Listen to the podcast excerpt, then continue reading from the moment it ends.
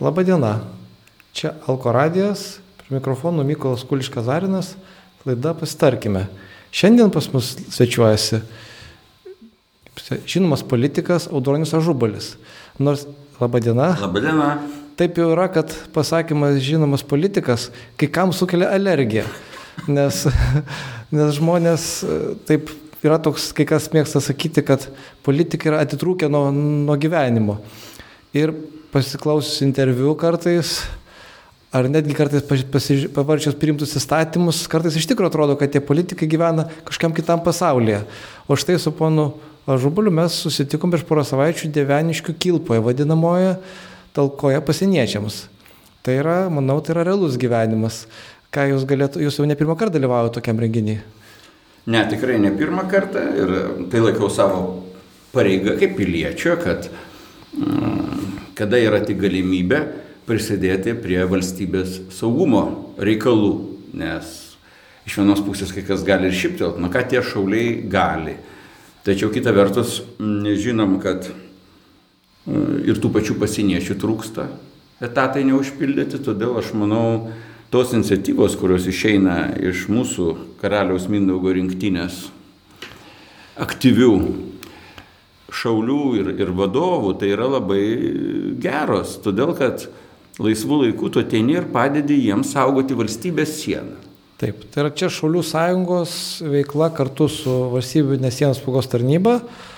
Kartu šauliai dalyvavo talkoje, tai yra būdi pasienyje. Konkrečiai Deveniškių, šiuo atveju buvo Deveniškių kilpa vadinamoji, arba kaip vietiniai gyvena, tai vadina Deveniškių apendiksas kas mėgs pavadinti. Mm. Ir ką jūs pamatėte tenai būdami? Ne, tai aš pamačiau uh, realią situaciją, kad uh, klausimų neįspręstų yra visur. Pradėkim nuo tų pačių, kad ir, uh, sakykime, pasieniečių etatų. Nuo visų pagundų, kurios, kurių viena priežasčių, ko gero, yra tikrai daugiau negu kuklus pasieniečių atlyginimai. Tai šitie klausimai, aišku, jie nes, neįsprendžiami per dieną kitą, bet kita vertus aš pamačiau labai motivuotus vyrus. Ir mūsų grupės vyresnysis buvo tik mėnesį tarnaujantis e, pasienietis, kinologas, belaukiantis šuns, su kuriuo jis pradės dirbti ir, ir dirbs jau kaip pasienietis kinologas. E, tai jo degančios akis, jo entuzijazmas ir pokalbis grinai apie profesinius dalykus, o ne apie tai, kiek aš už tai gausiu, na tai man buvo didžiausia, sakyčiau, toks didžiausias įkvėpimas. Kad jeigu atsiranda tokių jaunų žmonių, kurie eina ne dėl kažkokios tai staigio žaibiškos karjeros, ar didelių pinigų, kuriuos gali pasidaryti kur nors složdamas e, biržoje, dalyvaudamas kokiam nors rizikingame versle, bet eina atlikti to paprasto darbo, apie kurį mes gyvendami čia Lietuvoje nelabai, sakykime, ir susimastom. Mesgi nemastom, kad dabar naktį arba dieną atvyksta keičiasi pamaina, žmonės išeina į būdėjimą, gauna užduotis stebėti pažeidėjus, gaudyti juos, šaudyti, jeigu reikia esant. Taip kad tai tie žmonės, kurie nedaug dievė, bet ir pavojų sutiks patys pirmieji. Taip, nu, aišku, viskas gražu, bet man teko girdėti, kai, kai kas iš dalyvių to renginio, to būdėjimo, sutiko su kitokio, kitokiais pasieniečiais, kurie sakė, o kiek jų moka, tai jūs čia nemoka, bet ko jūs čia einate, jeigu jums nieks už tai pinigų nemoka, tokių irgi yra. Tai natūralu, tai negali būti, na, šimtoprocentinė motivacija, bet sakau, mus nes mes buvom trys šauliai, reiškia keturi buvo pasieniečiai šiam laikotarpiu. Ir vienas tas jaunas pasienietis ir mes patruliavam, vaikščiojom ten vieną ruožą. Tai bent jau čia aš galiu būti, na, sakykim, tikėti to, to žmogaus nuoširdumu ir pasiryžimu. Nu, malonu, malonu man pasakyti, kad tie žmonės, su kuriais aš suduriu pasinėti, irgi visi yra būtent tokie. Aš čia tik kitų atsiliepimus girdėjau, kad kažkas kažkur tai ir kitokių matė, bet vis tik matyt dauguma yra patriotų, žmonių, kuriem rūpi jų darbas, bet dabar ar jūs manote, kad tai jums padeda dirbti politiko darbą, tai, kad jūs buvote pasidėti? Ir aiškiau kažkas priimant įstatymus? Tai čia be jokios abejonės, aš jums paprastą pavyzdį pateiksiu.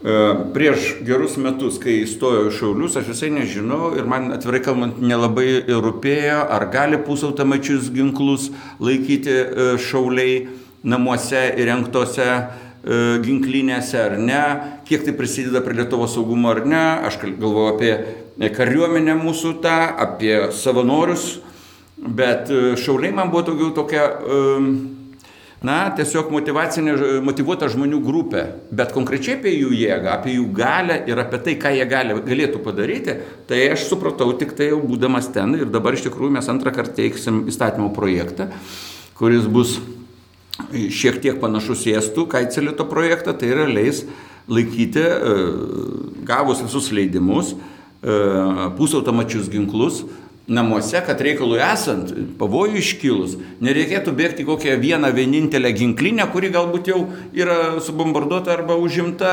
priešo.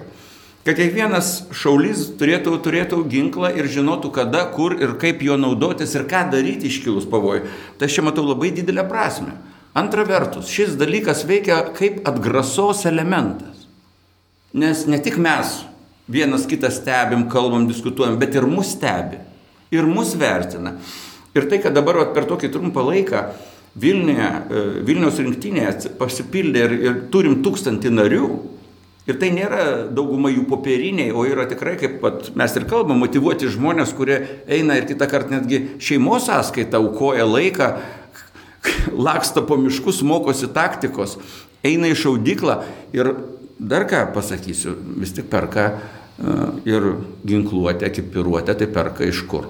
Na, iš šeimos biudžeto.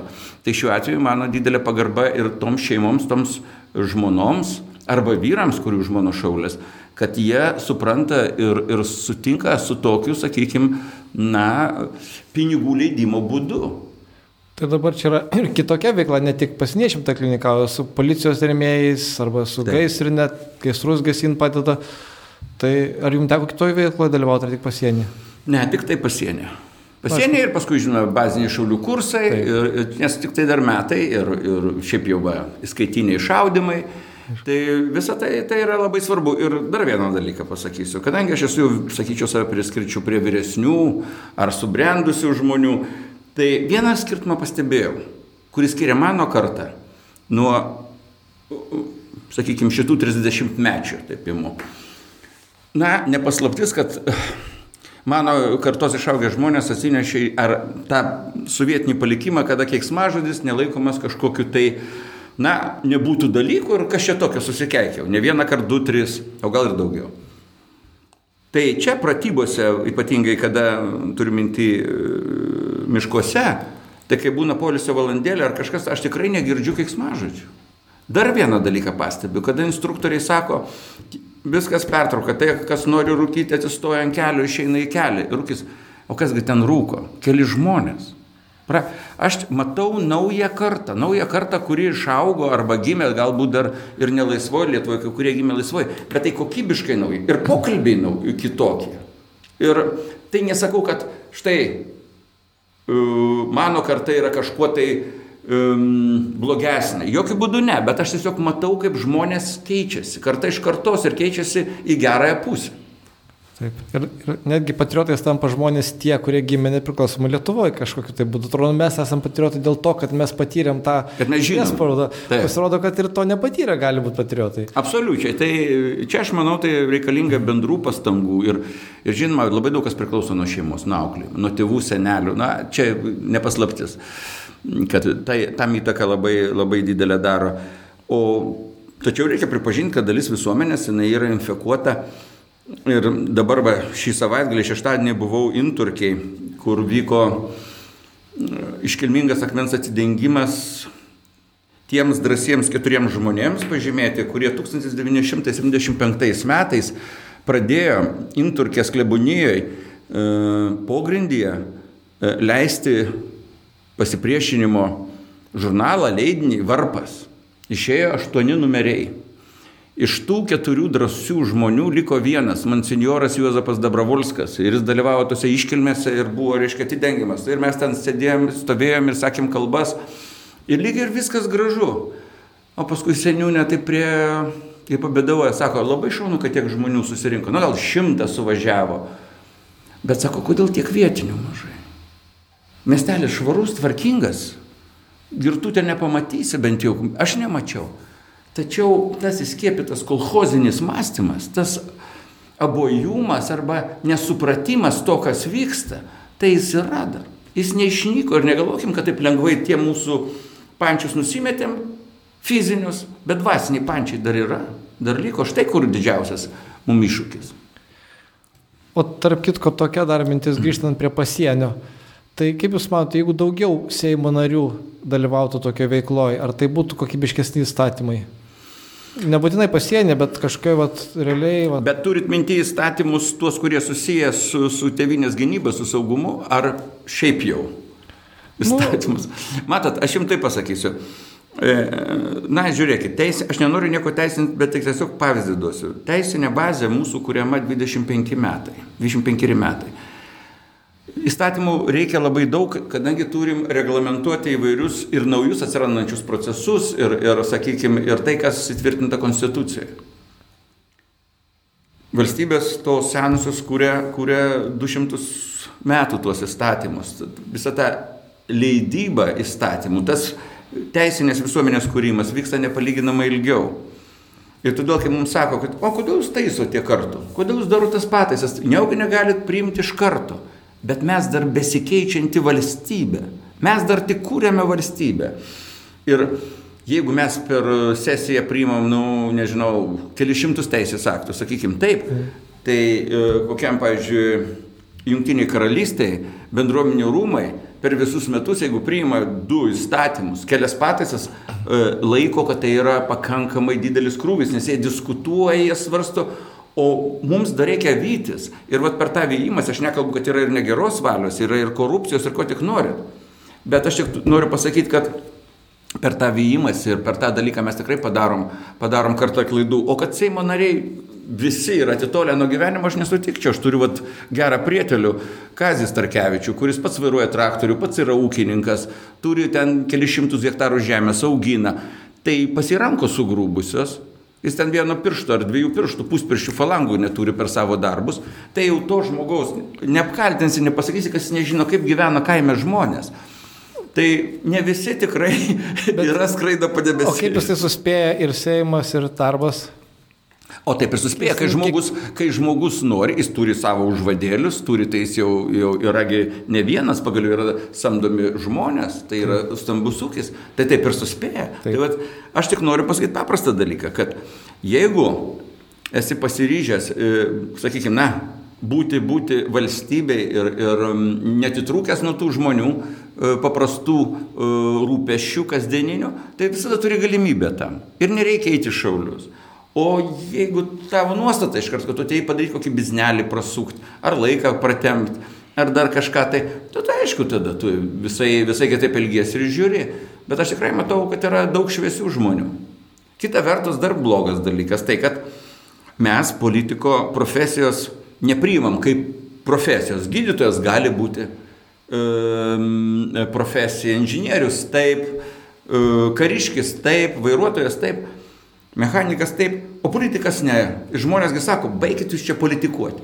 Tai va čia yra sovietinis palikimas. Nes politikuoti politikui būtina ir reikalinga.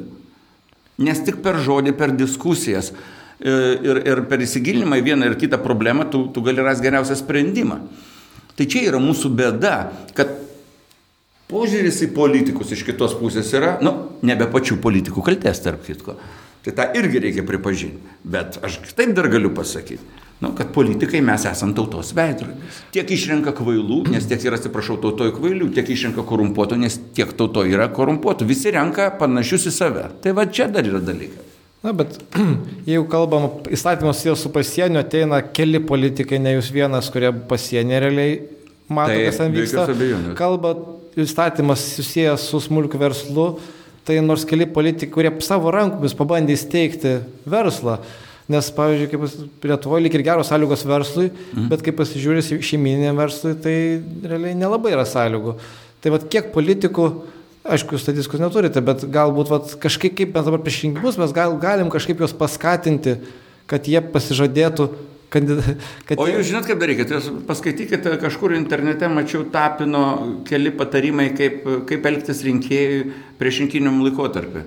Klauskit, sako, ne ap tokių pasisakymų, klauskit klausimus labai konkrečius ir tegul kalba politika apie skaičius. Skaičiai. Tai aišku, skaičiai ne viskas, bet skaičiai lemia daug. Jeigu politikas ateina ir sako, aš padarysiu, reformuosiu jums švietimo sistemą, tai gerai kuo, kaip, kiek tai pareikalaus lėšų, o ką tu siūlai konkrečiai. Labai lengva pasiūlyti, tiek ir tiek bus alga, o iš kur tu paimsi tos pinigus, tai pasako.